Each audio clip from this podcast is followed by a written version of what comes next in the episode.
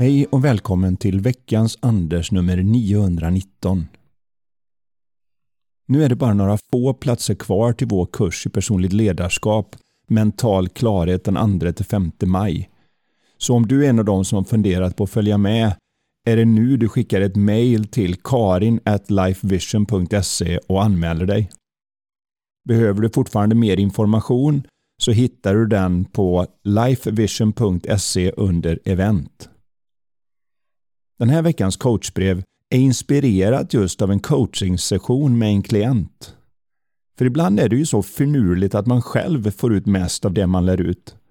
Det ska bli spännande att höra från dig vad som dyker upp av värde medan du lyssnar. Veckans citat. Låt oss inte be gudarna om fler ägodelar, utan om saker att göra. Lyckan ligger i att skapa saker snarare än i att konsumera dem. Will Durant Veckans coachbrev Kraften i att avsluta varmt. Ibland träffar man på något som man har sett många gånger förut, men det är först nu som det ger dig något nytt. Det senaste för mig var ett engelskt uttryck som väl enklast kan översättas med att plocka den lägst hängande frukten först. Vad som menas med det i business är ju då att först ta tag i de enklaste sakerna som ger mycket tillbaka. Ring dina redan nöjda kunder. Ändra det enklaste du kan ändra för att må bättre. Som att dricka mer vatten, äta mindre socker och ta en promenad varje dag.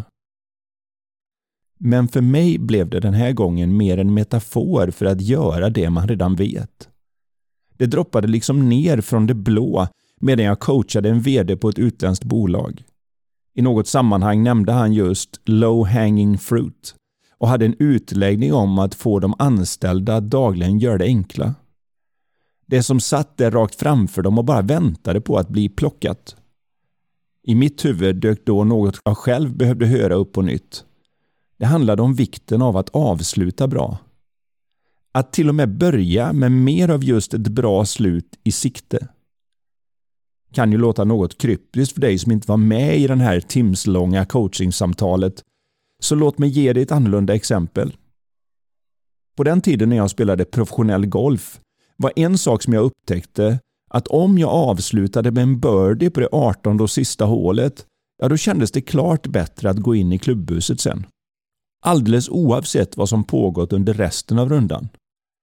Det var som att känslan ändå var okej okay när avslutningen var bra. Det gjorde någon form av psykologisk skillnad. Tror inte att det har någon betydelse om du spelar golf eller inte. Principen är en av de där lågt hängande frukterna för mig. Vad skulle hända om du började lägga märke till om dina möten med andra slutar med en bra känsla eller inte? Och att det är viktigare än själva innehållet på ett sätt. För om dina interaktioner med andra slutar med en varmare, mer förstående känsla blir sedan allt som kommer efter så mycket enklare. Det spelar ingen roll om det gäller dina kunder, medarbetare eller familjemedlemmar. För människor kommer sällan ihåg vad du sa, men de kommer alltid ihåg hur de mådde när ni avslutade. Så en liten tanke på att du vill avsluta med en känslomässig birdie när du har pratat med dina barn kan göra en enorm skillnad. Dessutom är det faktiskt en lågt hängande frukt.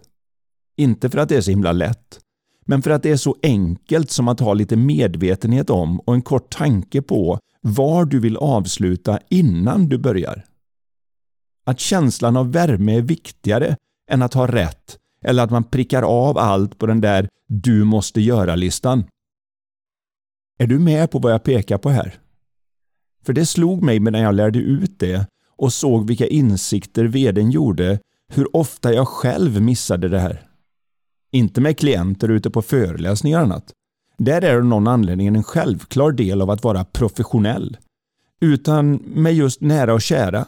De som det egentligen är viktigast med, men som man av någon anledning verkar tycka att man inte borde behöva vara professionell med.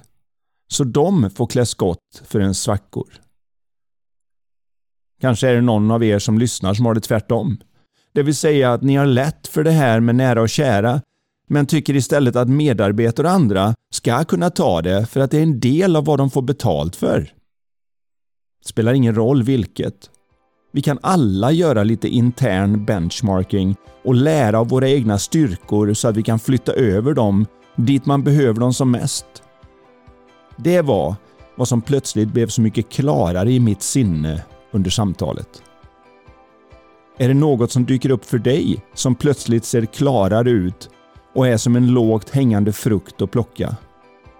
Som skulle ge dig mycket vinst för jämförelsevis liten insats? Och som du vet att du faktiskt skulle kunna få till ganska direkt? Då har vi fått ut en hel del av den här korta tiden. För magin består inte i vad jag delar med mig av, utan i vilka insikter som dyker upp för dig. Om du gillar det du har hört, dela gärna med dig på Facebook och andra sociala medier. Vill du veta mer? Gå in på andershaglund.se eller lifevision.se